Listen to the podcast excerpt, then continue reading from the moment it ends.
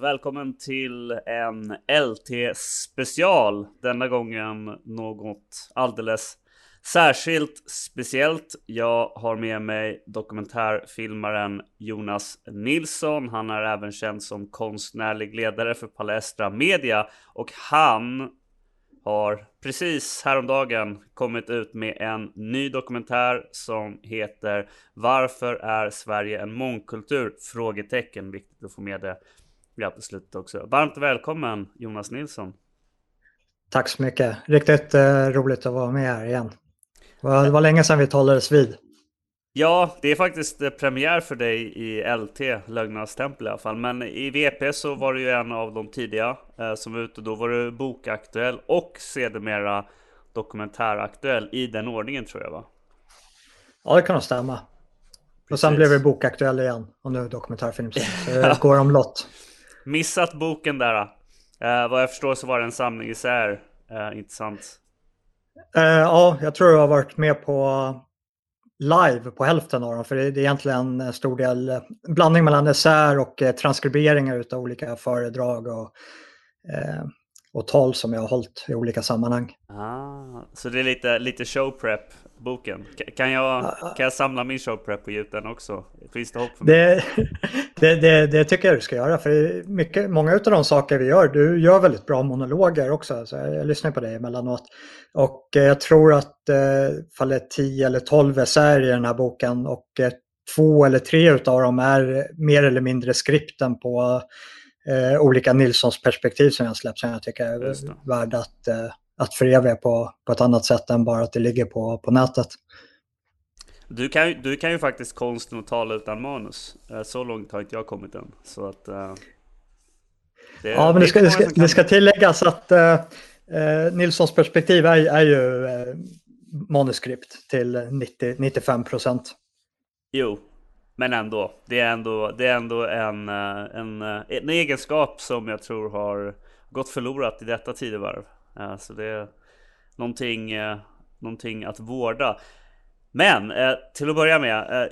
Vi rekommenderar ju, vi kommer ju spoila lite grann här i dokumentären men vi rekommenderar ju naturligtvis att alla som lyssnar på det här börjar med att se dokumentären för vi kommer prata lite runt och kring aspekter också så det är bra att ni har det med er. Men var hittar man då denna dokumentär någonstans? Kan man fråga. Man hittar den på, vi har gjort en eh, dedikerad hemsida som är filmtiteln.se. Så varför är Sverige en mångkultur.se. Och sen så har vi gjort en liten förenklad eh, hemsidaadress också som heter vsem.se. Och eh, sen så finns kanalen, eller dokumentären också på vår kanal på Odyssey. Vi har inte bemödat oss att lägga upp den på Youtube på grund av Youtubes policies rörande rörande kontroversiella ämnen. Den skulle nog, eh, tror jag, med säkerhet antingen bli ålderslåst, för det är vad de gör nu, och så kräver de att man man ska alltså eh, ladda upp eh, en bild på sitt pass eller liknande för, för att kunna se uh, vissa videor. Då talar vi typ Hjärnevask, den norska dokumentärserien om du känner till den. Ja, jag känner till den. Den var faktiskt förvånansvärt bra för att komma från norsk tv. Ja, det vill de ha, det, det vill de ha att man verifierar sin ålder på då. Eh, så, så att eh, och det är ett sätt som de nu verkar applicera mer av för att eh, identifiera vilka som finns registrerade på deras plattform och sånt. Så att det är, är lite obehagligt. och ni hör ju lite på titeln då att, att det här det här är ju en slags, en slags utredning över varför Sverige är ett mångkulturellt land. Varför Sverige blev ett mångkulturellt land. Och den första frågan jag tänkte ställa till dig det är Har du ändrat inställning om varför Sverige är en mångkultur jämfört med innan du började med den här dokumentären? Den har ju hållit på ett tag, själva produktionen. Va? Uh, ja, den har ju hållit på i strax över två år. Uh, ja, delvis. Uh, jag har fått en mycket, mycket djupare förståelse till det alla, alla gånger. Eh, och eh, det, det, är så här, du har ju en viss erfarenhet från universitet också när man eh, ägnar sig åt akademiskt skrivande på, på uppsatsnivå så är det viktigt eh, att man inte leds av sin förutbestämda slutsats. Och eh, man går ju alltid in i ett projekt med en eh, förkunskap och den förkunskapen gör ju att man har någon form av hum om vart det här kommer leda, vilket byggs upp i liksom en förutbestämd slutsats. Så det, det är egentligen bara fina ord, alla, alla har ju de perspektiven. Men det är viktigt att man inte låser sig fast på den vägen. Och eh, när jag började göra research för den här filmen så hade jag ju redan en ganska, inte, inte bestämd linje, men jag hade, jag hade en uppfattning om eh, hur jag skulle bygga upp det här manuset och eh, hur jag skulle attackera den här frågan. Och eh, i samband med eh, resans gång så fick jag revidera det fullständigt och eh, den här dokumentärfilmen blev helt annorlunda än eh, vad jag först hade tänkt mig. Eh, jag är, jag är väldigt intresserad av eh, antropologi, hur människor beter sig, grupppsykologi, statsvetenskap eh, och utifrån problemfrågeställningen för att kunna ta till sig den här filmen så måste man ändå ha en uppfattning om att det är problematiskt med det tillståndet som vi befinner oss i. Och eh, då hade jag den utgångspunkten från början att, eh, det, det, att det ska, den undersökande studien ska vara vad det som har gjort oss svenskar eller västerlänningar i bred bemärkelse så mottagliga för att eh, eh öppna upp våra gränser, att inte erkänna våran grupp i, i någon större bemärkelse. Eh, och eh, när, jag började göra research så fick jag, fick jag släppa lite mer av de här eh, antropologiska tankarna och eh, eh, gå med på de här externa faktorerna som har gjort det. För att det var, det var en sån tydlig intressegrupp som har drivit på den här frågan. Så det, det, det hade varit intellektuellt ohedligt att eh, inte ändra fokus från den antropologiska ståndpunkten till Eh, Eh, ett mer maktperspektiv över att ja, men här finns det en tydligt identifierbar identitetsgrupp som eh, ser det som gynnsamt till att eh, förvandla inte bara Sverige utan kanske västvärlden i en större bemärkelse till ett eh, flerkultursamhälle, vilket var, var eh, ordvalet som, som de använde sig av innan, innan vi ens började på med den här politiken eller tog det här politiska beslutet på 70-talet. Ja, vi talar ju om den judiska diasporan då. Det är ju spoiler. Uh, jag, jag, frågade faktiskt här det, för jag, jag, visste att han, han var inblandad på något sätt här. Han är ju med och gör uh, rösten till David Schwartz då, uh, som är en av huvudfigurerna. Då frågade jag lite, ja men kommer, kommer Jonas, kommer han ta upp David Schwartz? Så det, det kan man ju säga att det gjorde med råge. Och, och det är väl eh, nästa fråga. Vad, vad förvånade dig mest under arbetet med dokumentären? Eh, det var när eh, jag, jag, hade en medvetenhet kring att det fanns ett judiskt intresse eh, till att driva på den här frågan. Eh, och det som förvånade mig mest och som fick mig att besluta att eh, släppa det tidigare skriptet eller utgångspunkten och eh, följa det här spåret det var när jag började göra den egna researchen. Eh, först så hade jag ju eh, intervjuat de aktörer som, som vi har med som har pratat om eh, de här, eh, den här offentliga debatten som försiggick i Sverige på, på 60-talet och eh, där det var en kraftig judisk eh, överrepresentation. Vi, vi hade kanske 20 000 judar i landet på den här tiden och de stod för närmare 40 procent av alla inlägg. Och det var när jag började läsa över eh, i deras egna plattformar, eh, främst i form av judisk krönika, hur samma aktörer uttryckte sig på ett sätt när de skrev en debattartikel som var riktad till svenskarna i Dagens Nyheter och sen uttryckte sig på ett helt annat sätt när de skrev till eh, judarna i judisk krönika. Och den fräckheten eh, och dubbelspelet. Eh, det, det, det, tog hårt. Jag var inte beredd på det. Jag, jag, blev faktiskt chockad när man läser hur eh, David Schwartz uttrycker sig i Dagens Nyheter. Han pratar om eh, ett vi, eh, att vi är svenskar, det här är vårt land och det är gynnsamt för oss att förändra det här landet i den här riktningen. Och då är det här en människa som har suttit i tyska koncentrationsläger under kriget, kommit till Sverige som utlänning. Han har inga kopplingar till Sverige annat än att Sverige var en eh, fristad eh, under, under andra världskriget. och arbetar med en fundamental samhällsförändring under förevändningen att han eh, är en lika stor del utav det här landet som vi svenskar är. Och det, det, det, det, är ju en sak att en person uttrycker sig på det sättet. Men det är en helt annan sak sen när han skriver till den egna gruppen och då formulerar sig i termer utav att vi har eh, lyckats med att eh, få igenom de här policyerna trots svenskarnas motstånd. Och det, det, är just den där, den där meningen som fick mig att bara rensa allt jag hade på bordet till att eh, gå in på den här frågan på allvar i dokumentären. Här har vi en människa som med ena handen säger sig eh, utgöra och tala utifrån ett svenskt intresse till att det här är gynnsamt för oss alla. Att vi eh, genomför de här eh, öppna gränserna, policyerna.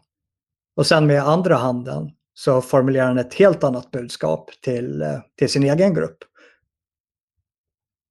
Och det där, eh, jag, jag, blev, jag blev genuint chockad. Och det är en väldigt eh, bra, stark del. Det, det var en del i dokumentären. Alltså, den klockar ju nästan in på två timmar. Som verkligen fick mig att sitta rakt upp och, och eh, spärra upp ögonen och öronen där. Eh, får jag fråga, vad var det tidigare antagandet som du sedermera då slängde åt sidan? Eh, nej, nej, men det, det är ju så när man gör en dokumentärfilm. Eh, dels är man ju bunden, bunden av en budget eh, som, vi, som vi har spräckt med, med råge. Men det är också att du är bunden av tid. Nu är inte vi låsta som dokumentärfilmer på SVT som måste förhålla sig till en tv-tablå och att man har 45 minuter att röra sig om. Utan vi kan ju göra en hur lång dokumentärfilm vi vill. Men det mänskliga koncentrationsspannet sträcker sig eh, någonstans från eh, en timme till två timmar. Och eh, ska man göra en längre dokumentärfilm än det så kanske man bör göra en serie och de resurserna finns inte. Och då får man ju göra prioriteringar över vad är det som är eh, viktigast för den här frågeställningen som vi kan rymma inom det här två timmars spannet. Och eh, då fick jag göra lite avkall på eh, olika former av eh, antropologiska teoribildningar som eh, mer riktar sig till var, varför vi var så mottagliga till det här. Föreställer man sig att eh, här har vi en extern aktör som säger att det här är gynnsamt att hjälpa de här människorna på flykt. Nu, nu var det inte bara de förevändningarna utan eh, nu pratar man utifrån arbetsmarknadsekonomiska eh, perspektiv också. Men då är det väldigt eh, jag, jag, jag touchar in på det lite i dokumentären med, med Tullberg när han säger att eh, eh, vi, man, det, det, känns ogynt att säga nej. Och eh, föreställ dig att vi befinner oss i ett svenskt 60-tal, 70-tal och eh, här är en aktör som säger att ja, men här är människor på flykt. Eh, och vi inte har några negativa exempel att peka på med den här demografiblandningen annat än kanske något amerikanskt getto. Eh, sen så har vi Rhodesia och eh, Sydafrika också, men där har vi den allmänna bilden att problemen som finns där beror på eh, det, det vad de menar på skulle vara ett vitt förtryck mot den svarta majoriteten. Och har man inga dåliga exempel, eller liksom empiriska exempel som är väldigt tydliga och ligger nära till hands såväl geografiskt och i tid, så blir det väldigt svårt, alltså känslomässigt svårt att säga nej. Speciellt fall man befinner sig i ett väldigt starkt ekonomiskt eh, välstånd. Och där är ju antropologin väldigt tydlig också att en, eh, en grupp som är väldigt resursstark, som har känt fred under väldigt lång tid, att sådana grupperingar får en, stark, eller en svagare ingruppspreferens. Och inte nog med att de får en svagare ingruppspreferens, eh, det ökade välståndet skapar också ett öppningsfönster för en utökad eh, feminisering, alltså minskade könsroller. Och eh, det minskade könsroller kan föra med sig är att alla däggdjur har en inbyggd eh, stressrespons i samband med, med hot eller konflikt. Och det brukar tillskrivas som fight or flight. Och eh, kvinnor eller, har ju också det såklart. Men de har ett tillager på det i en större utsträckning än vad män har som kan kategoriseras som tend and befriend. Alltså att man hanterar konflikthanteringar genom eh, undergivelse. Att vi bibehåller freden genom underkastelse. Så då kan man se det som att vi blev mottagliga för eh, en politik som inte var gynnsam för den egna gruppen på grund av en stark feminin energi i vårt samhälle. Och det kan sättas i kontrast till, eh, för att man ska se, se, prata utifrån det feminina och maskulina på en samhällsnivå, över till exempel Tyskland på 1800-talet som hade en väldigt stark maskulin energi som genomsyrade samhället till den graden att när första världskriget bröt ut att de tyska männen gick ut och jublade på, på gatorna att äntligen får vi bevisa, bevisa oss. Inte bara för varandra utan, eh, utan för, mot våra motståndare. Och eh, det här var ju någonting som var lite tidsenligt så det var ju även i, i London och Paris män som, eller befolkningen som gick ut och jublade för. Och eh, det kan ju sättas i kontrast idag. Skulle vi gå in i ett eh, världskrigsscenario idag, det är ingen som skulle gå ut och jubla på Stockholms gator. Och det, det är för, för att vi har den här väldigt här, starka feminina energin. Och inget av de här ytterlägena är ju speciellt gynnsamt för ett folk, bevisligen.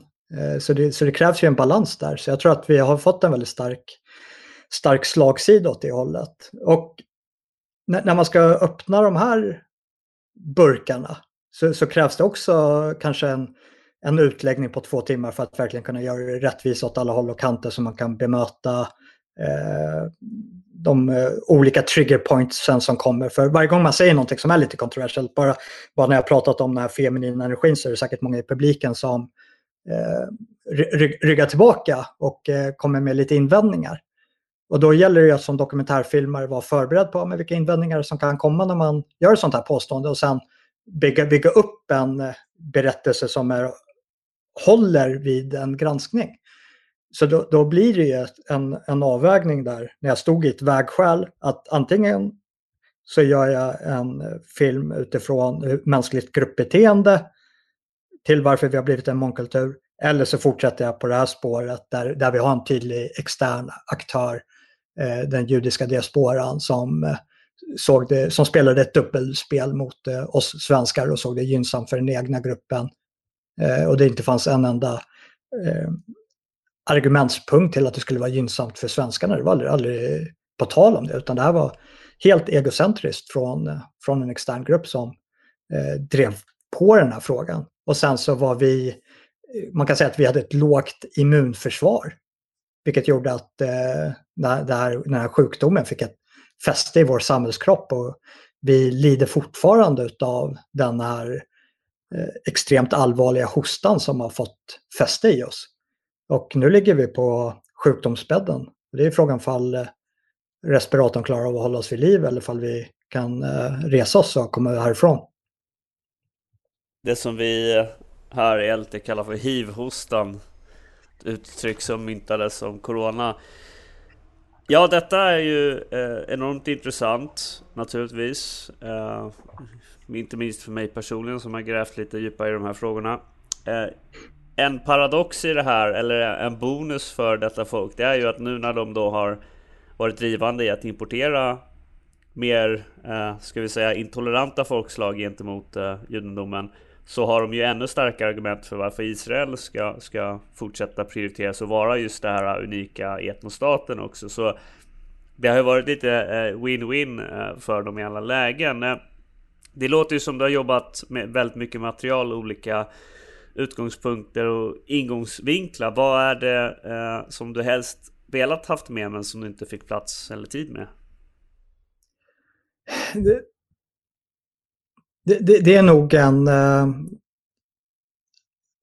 när, när, man, när man ser en eh, fientlig påverkansoperation, vilket, vilket det här har varit, det, det här har varit en stor, stor påverkansoperation eh, utav en minoritet som såg det som gynnsamt till att främja mångfalden. Och an, anledningen till varför de gjorde det, det, det, det finns ganska stark argumentation från den här gruppen till det.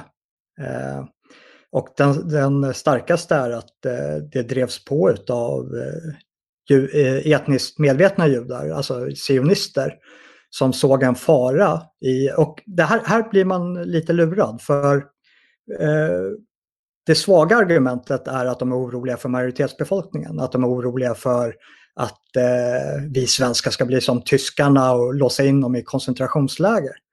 Eh, och det är klart att man kan finna lite liksom, fog eller förståelse utifrån hur den argumentationen är, är uppbyggd. Men det är egentligen inte vad det handlar om. Utan är du etnisk medveten nationalist, som de här sionisterna är, så ser de på oro med ett välfungerande samhälle där den egna gruppen väljer att överge det egna och assimileras in i det svenska. Så det, det de här sionisterna ville göra var att skapa ett samhälle där eh, det inte där ingen är främling. Alltså ingen är svensk och alla är svenskar samtidigt. Att, eh, eh och eh, för, för, att förstå det så måste man förstå den svenska assimileringspolitiken som har varit eh, alenarådande fram till, eh, till den här tiden. Och det är ju att eh, nu är vi tillbaka lite på antropologin över eller hur man ska betrakta, betrakta svenska det, på, på grupppsykologiskt plan. Och det, det är att vi, vi är ganska höga på oss själva. Att vi, vi ser väldigt oförstående på att någon, varför skulle någon inte vilja vara svensk? Och det, det går ju som eh, en eh, tråd genom det svenska lynnet även in till eh, vårt etablissemang idag att eh, det finns en så märklig förhållningssätt till att ja, det är väl självklart att man vill vara som oss. Varför vill Ungern inte vara som eh, oss svenskar och betrakta världen på det sättet som vi betraktar världen? Och så var det även på den här tiden, bara att det tog sig ett, ett, eh, ett annat uttryck. Och eh, det innebar ju att eh, eh svenska politiker eller det svenska etablissemanget under den här tiden pratade om den judiska församlingen som om att det var en sekt man pratar om den judiska skolan utifrån eh, mentalhygieniska skäl över hur man ska tillåta den eller hur den ska regleras. Och det här är ju såklart oerhört kränkande för, för en judisk nationalistisk eh, minoritet. Och det, var, det är ju samma sak för samerna och Tornedalsfinnarna. Eh, eh, att de också fick Eh, utstå en svensk majoritet till att rätta sig in i ledet. Och rättade de in sig in i ledet så blev de behandlade bra, men gjorde de inte det så blev det lite friktion där. Men det var aldrig värre än, än eh, friktion. Och eh, det som gjorde judarna annorlunda i den här påverkansoperationen än till exempel var samerna och tornedalsfinnarna som också önskade att eh, bli accepterade i ett eh, flerkultursamhälle Eh, som inte gärna ville se sig själva som svenskar utan ville behålla sin starka samiska identitet eller eh, sitt, eh, sitt språk meänkieli.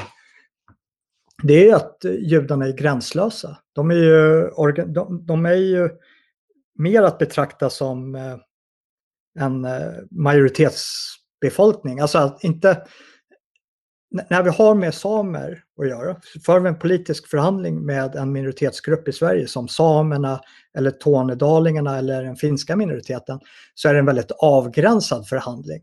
Vi, vi, vi är i kontroll över den förhandlingen på alla sätt och vis. Men när det kommer till den judiska minoriteten så är vi inte det. På grund av att den är internationellt organiserad. Att vi har en judisk minoritet på samma sätt som mer eller mindre varje västland har en judisk minoritet. Och alla de här minoriteterna uppgår i olika former av paraplyorganisationer som är väldigt eh, välsvarvade. Vilket gör att eh, de får ett eh, genomslagskraft i den förhandlingen som en vanlig minoritet omöjligen kan uppnå. Eh, och eh, därav så kan de genomföra en sån här påverkansoperation på ett helt annat sätt än vad till exempel samerna skulle kunna göra. Eh, där någonstans skulle man kunna tänka sig att man skulle kunna lägga, lägga en starkare eh, djupdykning i, ja, för man hade haft mer tidsutrymme eller vad, vad man fick skala bort på så att säga. Ja, för ni har ju ett bra exempel där om eh, hur man använder då internationella organisationer som inte tekniskt sett representerar Israel för att då genomföra sin agenda. World Jewish Congress finns ett inslag om. Och, och hur man då... För, för de talar ju om Israel som den judiska staten, men så fort någonting händer i Israel så representerar det absolut inte alla judar och knappt de som bor i Israel. Eh, så man talar med den här kluvna tungan hela tiden. Eh, och det tycker jag ni också lyfter fram väldigt bra. Men, men precis, är, är, det någonting du till och med funderar på att utveckla ja, en serie kring det här förutsatt då att den här dokumentären får, får ett bra mottagande och, och allt vad det innebär? Eh, inte, inte i dagsläget. Jag, jag har en del tankar på, eh, på närliggande ämnen som, eh, som rör den judiska diasporan. Men inte just den, den infallsvinkeln. Eh, och eh, jag, jag håller nog lite på de tankarna och ser hur framtiden utvecklar sig. Men, men jag har en del klara, klara planer. För det finns mycket att belysa här. Och eh, det, det är oerhört svårt att eh, ha att göra med en gruppering som just är eh, så flytande i sina begrepp över vad de, hur de väljer att formulera sig själva eller andra och eh, den otroliga dominans de sitter på när, när det kommer till, eh, till media och eh, till påtryckningar mot, eh, mot våra makthavare. Det, det, det, är ingen svag gruppering på, på något sätt och vis. Jag tänkte det, är, är, du, är du rädd för att straffa ut dig nu? Du får inte komma in i, i värmen nu när nej, du har jag... lyft på locket. Nej, nej, det tror jag inte. Jag, jag har ju en ganska lång, eh, lång bakgrund som eh, oppositionell. Och eh, jag engagerade mig eh, när jag var 14-15 i en, eh, i en organisation som hette Nationell ungdom som sen uppgick in i eh, Svenska motståndsrörelsen och eh, jag spenderade ganska, ganska många år i, i den miljön. Och det medförde att man eh, skildes ganska, eh, det blev en ganska skarp skiljelinje mellan en själv och eh, samhället. Och det tror jag är väldigt nyttigt och eh, för alla, speciellt om man ska gå från pojke till man, att man eh, skiljs från samhället en stund och sen kommer man tillbaka till samhället. För man eh,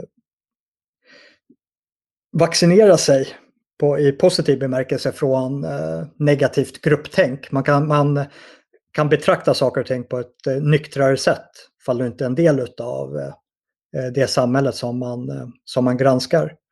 Så det, det finns ingen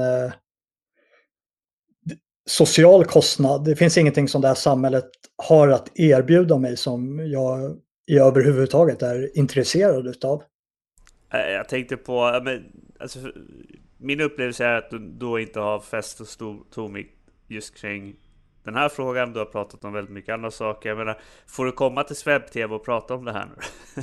ja, eh, jag, jag, har faktiskt aldrig varit med i Swebb-TV. Nej, eh, inte tänkt. Och, tänk, det har delat scen. Eh, det har vi gjort. Det, har vi gjort. och det, det, tror jag, det tror jag faktiskt att eh, jag kommer fortsätta att få göra. Att få dela scen med, eh, med Swebb TV och eh, den, eh, jag vet inte vad man ska uttrycka det som, kanske en eh, lite mer städad alternativ allt, högerscenen.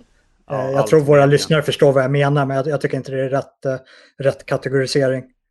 För, för det, det, det, det, har liksom en underliggande ton till att det, det finns en ostädad scen, vilket jag inte riktigt tycker att det gör heller. Filtrerad, ofiltrerad kanske man kan säga, jag vet inte. Ja, ja det, menar, det kanske Filtrerad lite... öl och ofiltrerad öl har sin charm. Det är lite en smaksak om man gillar det mer stingiga eller om man vill ha det mer slät, lite slätstruket och sådär. Ja, det, det är kanske, kanske så. Och sen eh, Alltså, för, för, ni tar upp Israel också. Jag tycker också en ganska bra, viktig aspekt för att eh, och det, det, det, var en fråga som jag hade här. Alltså, vi har ju ett ganska stort segment. Och jag kommer ju då, i, som alla vet, från SD-sfären. Och där har det alltid funnits en, en pro-Israel touch och finns till denna dag. Eh, eh och där finns det ju många som viftar med Israel-flaggor både eh, figurativt på Twitter, bokstavligt talat. Eh, ni har säkert sett vissa bilder från en valvaka där 2018. Eh, så det finns ju många Sverigevänner då som, som tycker det är viktigt att stödja staten Israel. Och jag tänkte fråga dig, hur ser du det som, som någonting som inte är bundet till det här? Ser du det som okontroversiellt eller ser du det som problematiskt med tanke på hur den judiska diasporan uh, ja, beter sig här, vad de har för syn på Israel. Du tog upp Aron Flam exempelvis. Kanske bra att illustrera just. Jag, jag, tror man ska ha en, att det nyttigt med en hög grad av medvetenhet till, eh, till eh, hur, hur saker och ting förhåller sig. Och jag tror att för att förstå Sverigedemokraternas eh, sionistiska ådra så måste man förstå den känslomässiga utpressning som eh, inte bara svenskar utan hela det västerländska folket är utsatt utav. Och det är ju att eh, så fort man eh, vill hävda den egna gruppen så kommer de dragandes med eh, antisemitism och förintelsen. Ja, men hävdar vi svenskarna som intressegrupp, då kommer vi att eh, bli Tyskland på 30-talet. Och eh, ett sätt att värja sig mot det är att nej, men, nej men så är det inte, utan vi är Israelvänner. Vi kan inte vara antisemiter. Vi vill ju att det ska gå bra för Israel, vi, vi stödjer den judiska staten och det, det, är en aspekt på det. Så jag tror att det, det är ett eh, självförsvar, att man försöker föregå rasiststämpel och antisemitstämpel genom att eh, ta ställning för, eh, för den israeliska staten. Och den andra aspekten är att den israeliska staten har eh, eh, policies som vi själva vill införa. Och eh, då blickar man mot Israel och eh, ja men kolla här.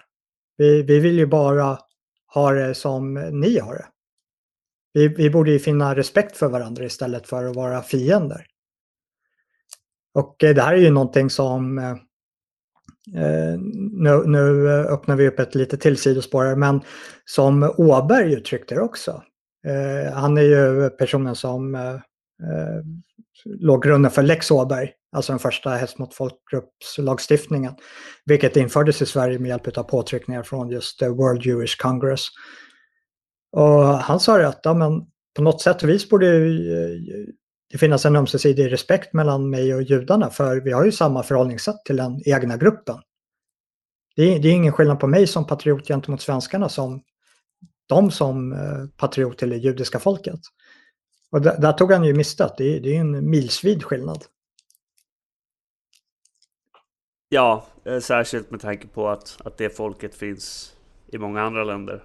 Eh, och inte bara i ett, till skillnad från svenskarna ändå som tenderar att hålla sig mycket i Sverige.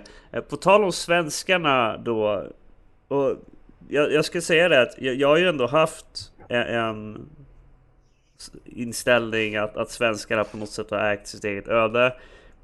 Och att svenskarna eh, även internationellt sett har utmärkt sig inom vissa områden. Som, som vi då kanske var stolta över och idag så undrar vi lite vad vi höll på med. Och eh, din dokumentär har ändå nyanserat lite grann eh, den bilden. Eh, men låt mig lägga fram följande frågeställning då. Sverige har ju inte bara utmärkt sig i befolknings eller folkutbytet utan eh, den här karusellen inleddes ju med biståndspolitiken då. Det var det första stora internationella steget ut i världen. Eh, och sedermera så genomförde man eh, en adoptionspolitik som resten av världen tog efter. Och det började man med i början på 70-talet. Satte den igång rejält och sedermera har man importerat 60 000 mestadels utomeuropeiska barn. Eh, och det var det första mötet många svenskar hade med utomeuropeer. Vilket i sin tur då normaliserade det som sedan skulle komma, eh, massinvandringspolitiken och så. Eh, och du har ju fokuserat på eh, det, det, det, sista då. Men, men jag undrar ändå, touchade du frågan om bistånd och adoption? Såg du även kopplingar till Schwarz och hans vänner där?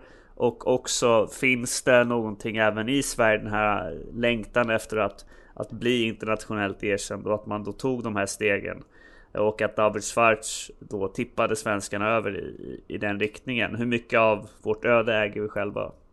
Då har du fem, 50 frågor samtidigt. Svara. Ja, eh, jag, jag, kan inte svara på någon av dem på, på ett så jättebra sätt annat än att eh, i, i det här projektet så grävde vi inte så mycket i, eh, i vare sig biståndspolitiken eller de här eh, tid, tidiga adoptionsvågorna som var.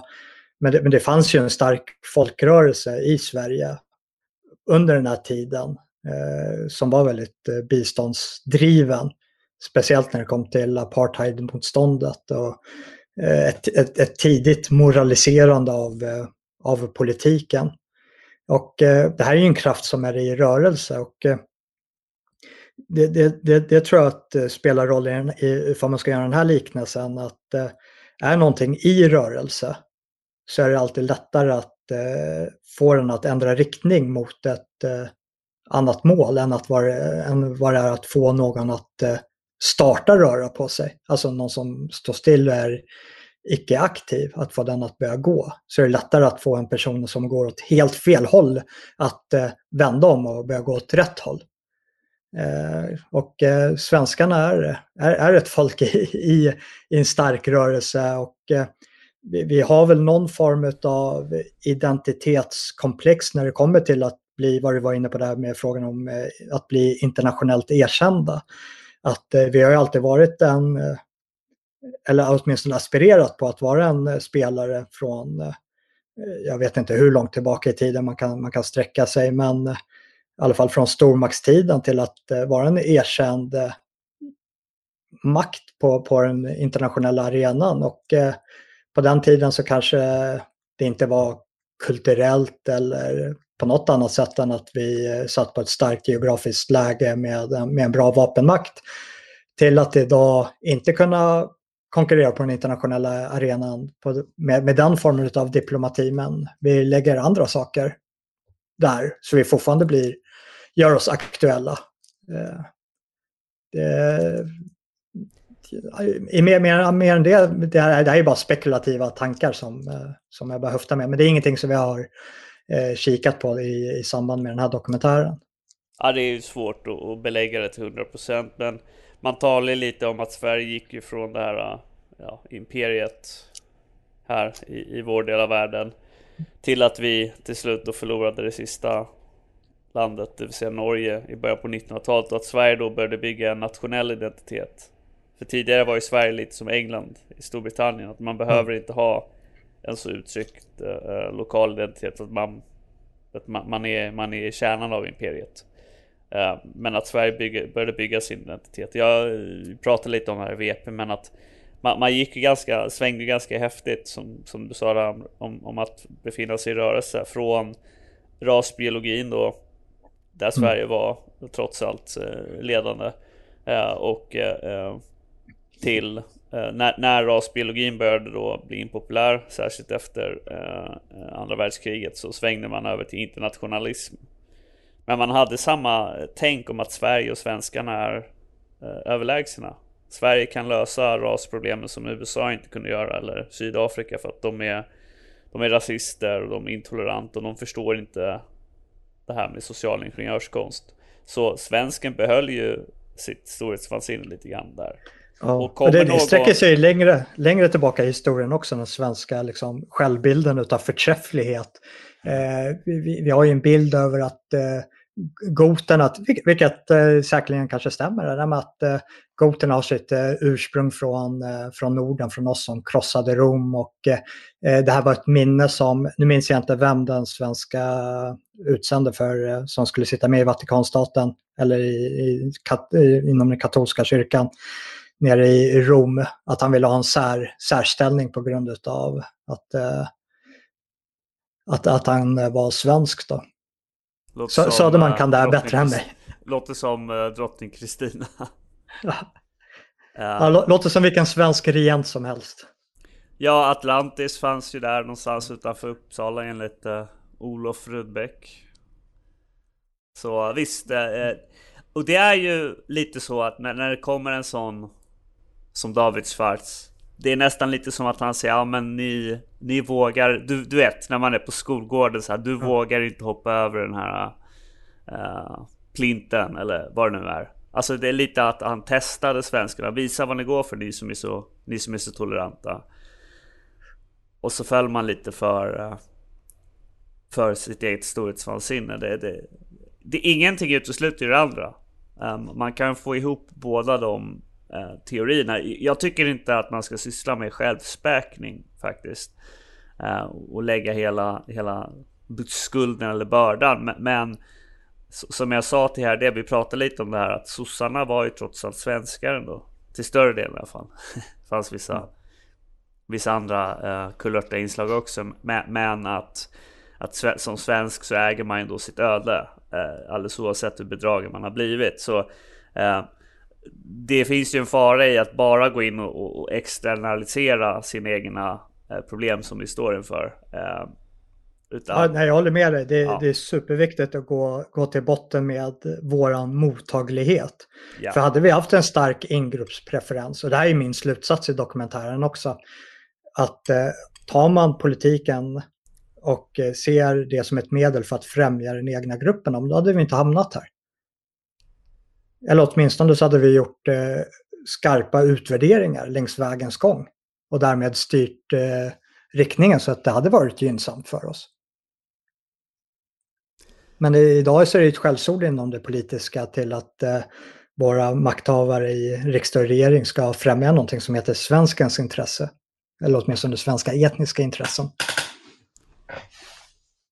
Ja, och det finns ett par eh, riktigt bra eh, narrativ nedbrytningar här och, och jag rekommenderar verkligen att, att ja, folk ser den här dokumentären för vi behöver inte rehasha allting. Men, men en sån som jag ändå tycker att du på olika sätt återkommer till väldigt förtjänstfullt.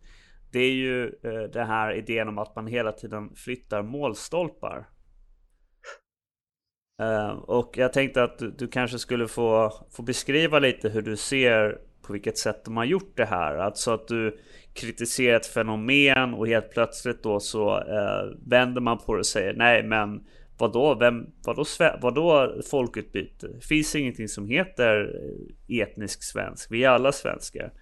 Eh, kan du gå in lite på hur, hur, man har agerat i den här debatten när man hela tiden har, har flyttat målstolparna längre och längre bak? Eh, för, först eh, dels när man diskuterar med, eh, med meningsmotståndare, framförallt på vänstersidan och i synnerhet när man pratar med, eh, med feminister, är att de är väldigt duktiga på att skifta mellan individ och kollektiv. Att i ena sekunden så kan de prata utifrån gruppnivån och eh, gör man ett påstående där så lyfter de ner det till, eh, till individnivå, vilket gör att det går aldrig att vinna en logisk eh, diskussion med dem, en, en debatt eller argumentation, utan det, det är väldigt känslostyrt. Och eh, här är det ungefär samma sak. att eh, eh, och Jag baserar mycket på en personlig erfarenhet som jag, som jag hade med, med min farbror för många år sedan, många, många år sedan, kanske tio år sedan. Eh, då, då vi diskuterade mångkulturen.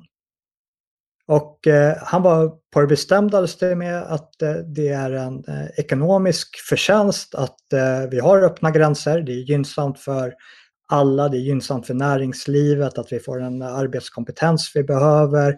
Det blir därmed gynnsamt för hela systemet. Det blir som ett smörjmedel som gör att vi får in de skatteintäkter vi behöver för att klara av välfärden. Och Sen när jag lyfte upp lite en annan eh, problematik som kommer med det eh, rörande till exempel vad, vad som händer ifall vi får människor som har ett annat normsystem som rör sig hit. Över hur kan det påverka samhället? Ja, men då var svaret att nej, men så är inte fallet. Eh, de eh, muslimer, till exempel, de muslimer som kommer hit, de är lika sekulariserade som eh, vi svenskar är. Och eh, sen gick åren. Och eh, det, det, blev omöjligt att eh, förneka att ja, men det är faktiskt en enorm samhällskostnad med den här flyktingpolitiken.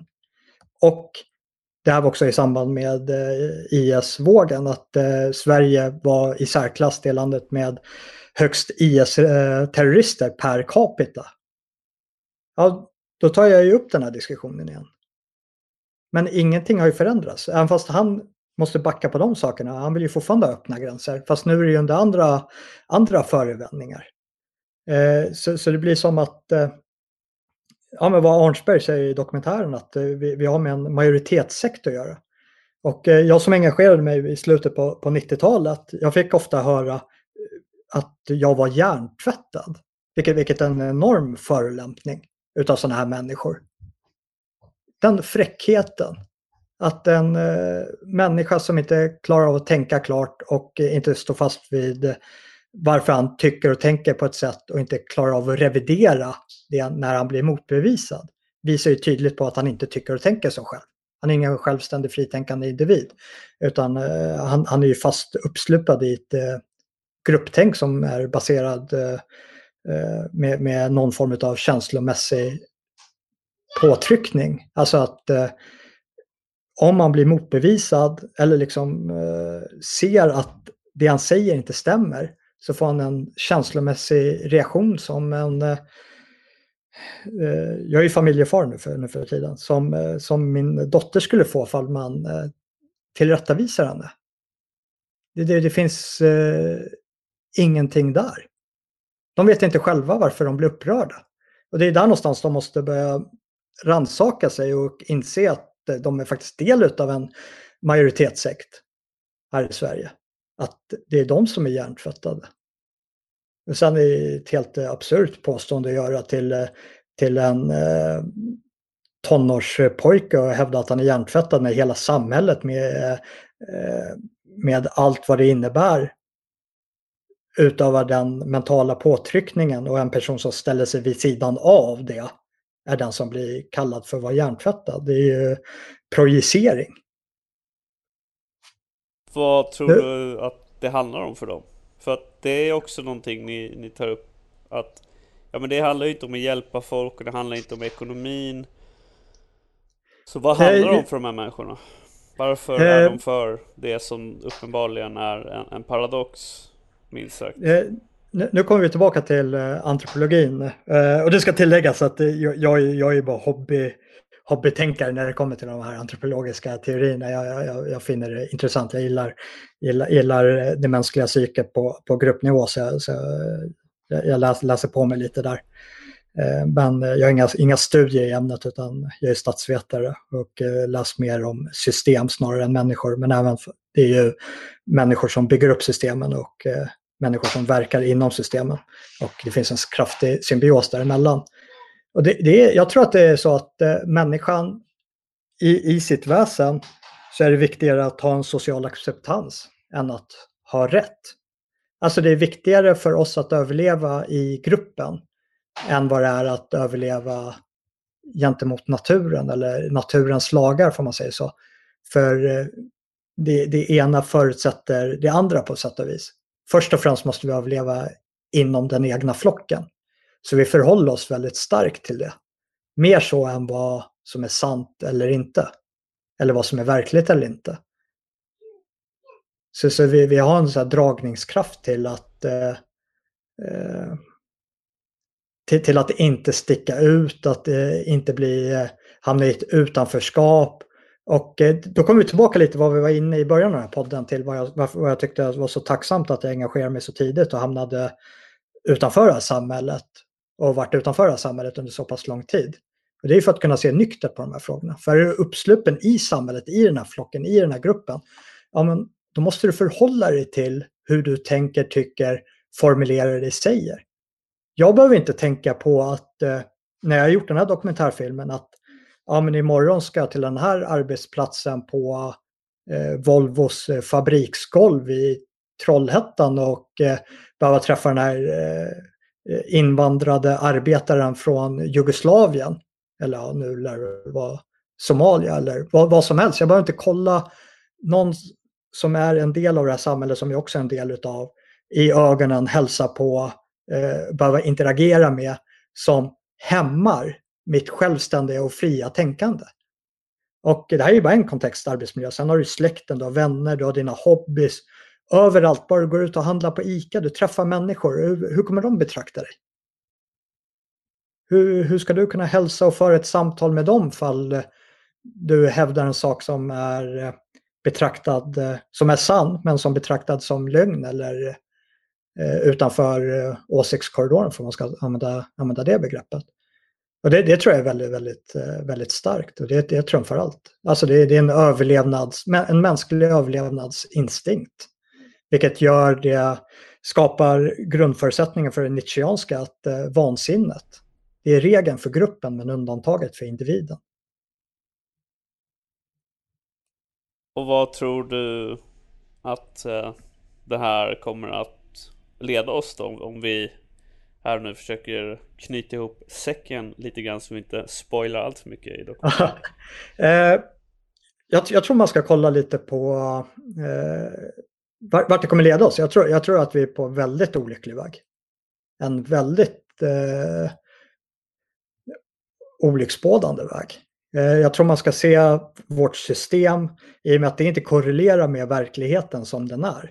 Vilket den inte gör. Det är, det här, det här mångfaldsmålen och drömmen om eh, regnbågsnationen existerar inte annat än i fantasin. Och eh, kollar man på andra samhällsstrukturer som har varit sammansvetsade eh, på ett systemhåll som har gått emot de här sakerna, ta till exempel Sovjetunionen, så är ju eh, utbrott, det är inte, det var ganska snälla övergångar, med, jag använder ordet ganska, ganska brett och snällt, i till exempel Polen, Ungern, Tjeckien, Baltikumländerna. Det, det utbröt inte ett så stort maktvakuum eh, när Sovjetunionen kollapsade så att det blev inbördeskrig. Men det blev det i forna Jugoslavien. Och eh, socialliberaler som lever kvar i den här fantasin rörande mångfalden, de beskyller ju eh, inbördeskriget i Jugoslavien på nationalisterna. Att ja, men här är ju några som är en grupp som eh, har för stark ingruppspreferens och vill eh, berika sig på bekostnad av andra. Att, vi, att de är missundsamma. Och eh, på samma sätt så kommer ju de här socialliberalerna betrakta de nationella krafterna i Sverige, Sverigevännerna, att anledningen varför det här mångkulturella experimentet inte fungerar, vilket det omöjligen kan göra, ja, det beror på att det finns eh, Sverigevänner som eh, motsätter sig det.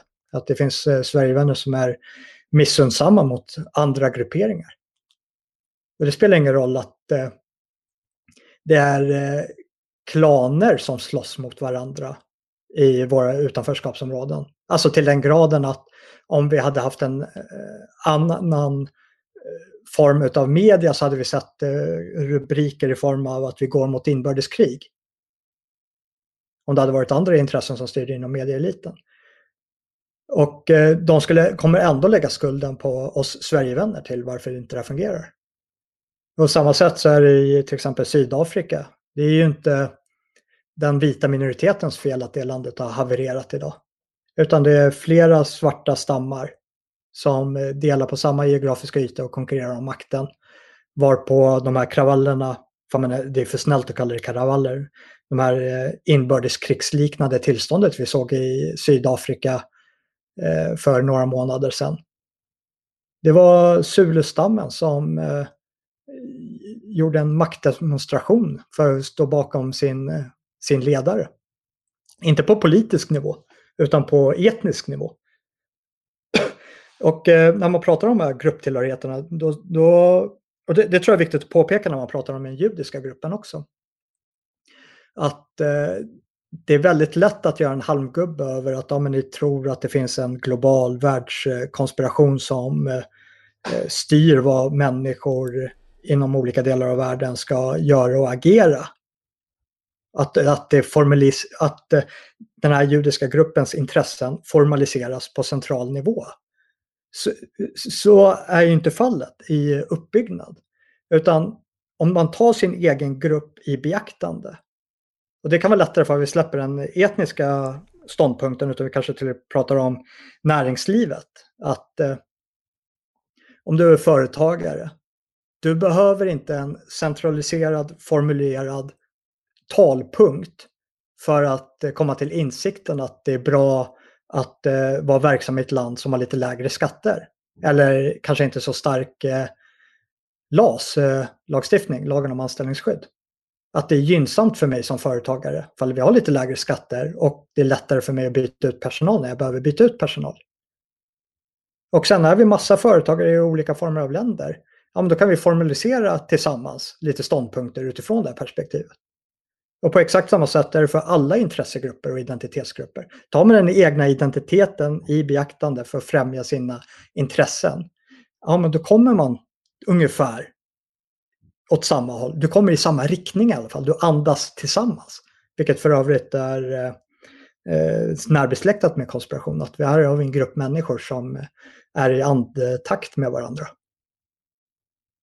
Så när den judiska världskongressen eller den sionistiska världsorganisationen kommer med ett eh, dekret eller eh, ett förslag på policy, det ligger ju i linje med eh, vad alla människor som delar den identiteten har för uppfattning vad som är gynnsamt för dem. Ja, judar är en minoritet i Sverige. ja, men en välsmord minoritetspolitik är gynnsam för? Alltså när ni, för ni, ni har ju med ett par personer, eh, Olof Arnsberg eh, och även eh, Jan Theorell. Tullberg. Tullberg, Tullberg. Theorell är en annan statsvetare. jag, jag, tänker på, jag har pratat mycket om honom eh, senaste tiden, eh, Theorell. Ja, Tullberg, eh, ja och sen Ingrid Carlqvist. Var det några som var det några som föll bort då när, när dokumentären fick en annan inriktning? Eller? Eh, jag, jag hade faktiskt redan gjort eh, de här intervjuerna innan det. Ah, okay. Okay. Eh, så det, det, var bara folk som tackade nej efter. Ja, det nej, var nej. ju ett par. Eh, det var det jag tänkte. Kent Ekeroth var en av dem och sådär. Och han, eh, alltså jag har ju varit med. Jag har jobbat för Kent, varit rest med honom, varit i Israel flera gånger och sådär. Så jag, jag har ganska bra koll på honom och vad han tycker om, om de här vänsterliberala judarna. Och du tog upp det i dokumentären. Han uttalar sig i en artikel. Han tycker de är naiva. De kommer vända svenskarna emot sig om de håller på med eh, exakt det som, som den här dokumentären belägger att de håller på med. Eh, men Kent har ju alltid varit väldigt, väldigt ensam. Och det tycker jag också är ett väldigt intressant eh, eh, sätt att se på det. Och det tar, tar ni också upp att man ska inte bara se på vilka som, som är för någonting. Man ska se, har det här något som helst motstånd?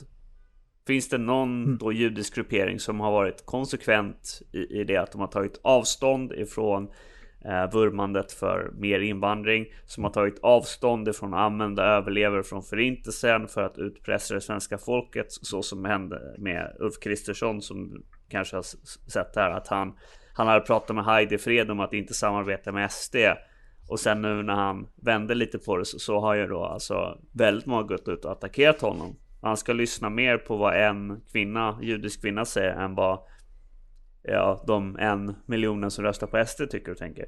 Eh, så, så det är alltid bra att ha i åtanke, fanns det en opposition i, kring de här frågorna?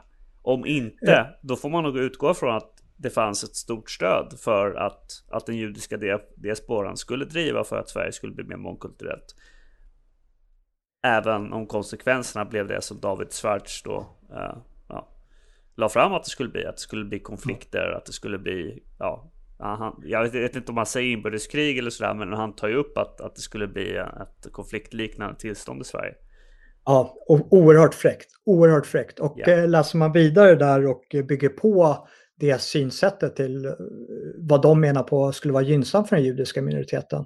Det, det är den här inställningen att ja, men det är jättebra om det kommer hit massa minoriteter och inte sköter sig. Vilka är det då som framstår som eh, den vuxna minoriteten? Den städade, den allierade till den forna majoritetsbefolkningen. Precis. Exakt det. Och det är det varit en diskussion om kontraedism. Det är det som är så viktigt att, att lyfta fram att muslimerna är i slutändan inte sjukdomen, de är symptomet på någonting. Som de det fanns, ens... Ja, förlåt fall du vill göra. Nej, på, på någon, de är som sagt symptomet. Det, det, är inte någonting de den muslimska världen specifikt efterfrågat att komma och kolonisera Sverige. Eh, det, det, finns naturligtvis vissa grupperingar där, men, men eh, ja, vi kan väl säga så här om muslimerna hade varit fromma muslimer och, och gått i, i moskén och brytt sig om sitt andliga liv mer så tror jag att inte vi hade riktigt sett de samhällsproblemen vi har idag. Även om de hade varit här. Ja, utan det finns en ja, dysgeni och en, en, ja, en slags uh, gettokultur som inte har så mycket med deras religion att göra. Men eh, ja, eh, över till dig. Ja, eh, det, det, var bara en, eh, eh när, när jag läste deras eh, egna texter och sådär så var det bara, de är ganska frispråkiga internt. Det, det, det, det, är inte alla som drar jämnt. Likt alla grupper så är ingen grupp enhetlig utan vi Sverigevänner vi kan ju stångas ganska rejält över vad det är som ligger i svenskars intresse. Ska vi, är, är det här som är det eller är det här som är det? Men vi har ju alltid den här svenskheten som vi kan eh, orientera oss mot och falla tillbaka på som en gravitationskraft. Och eh, den enda riktiga debatten som eh, var under den här tiden det var mer mellan sionisterna, alla är ju sionister, men Israel-sionisterna och eh, diaspora-judarna över huruvida de skulle ha en strategi över att eh, få judarna i diasporan att flytta till Israel eller inte och hur man skulle förhålla sig till de eh, diaspora-judarna som inte ville flytta till Israel. Så det var starka sionistiska krafter som ville att alla judar mer eller mindre skulle flytta till Israel. Eh, så, så blev ju inte fallet. Men eh, där, där fanns det en stark meningsskillnad över hur, hur eh, den judiska minoriteten skulle förhålla sig till det. Ja, och det är också um, i slutändan så säger någonting om tillståndet ändå att, att, att de ser det ändå som en förhandlingsfråga huruvida de ska stanna här eller inte. Det säger något om hur, hur alltså om Sverige blir ett, på väg att bli ett, ett skithållsland rent ut sagt. Så, så är det vi som får vara kvar här i slutändan och städa upp efter, efteråt. Medan de kan lämna och åka till Israel. Det är inte alla som vill det. Vissa tycker till och med att det vore hemskt. Men, men i slutändan så där har man en väg ut. Våran väg ut är, är ju att ta tillbaks kontrollen över vårt land och vårt öde. Och det är en betydligt större utmaning. Eh, Jonas Nilsson, jag känner att jag har haft det här tillräckligt länge. Du som sagt är en familjeman. Du har andra ja. saker att stå i. Eh, vill du säga någonting eh, avslutande innan vi sätter ett bokmärke i den här diskussionen? jätteroligt att vara, vara med och gästa din, din show igen. Och sen kan jag bara uppmana eh, lyssnarna att eh, dela gärna den här filmen eh, till andra opinionsbildare, till eh, tidningar, till bloggare. Eh, skriv recensioner själva. Eh, gäller, vi har den på, med engelska undertexter också så gäller även eh, för, för inom den engelskspråkiga världen att eh, hjälpa till att få, få lite spridning på den här. Ja, och alla länkar kommer naturligtvis finnas tillgängliga här. Ni kan ju självklart gå in och stötta Jonas. Du tar emot eh, Bitcoin såg jag bland annat. Ja, Bitcoin, Swish, Bankgiro. Eh, alla, alla uppgifter finns eh, både i filmen och på, på vår hemsida där, vsem.se eh, och eh, det tas tacksamt emot. Vi, vi har ett visst eh, budgetunderskott för, eh, för färdigställandet av den här produktionen som finns lite hål att täcka.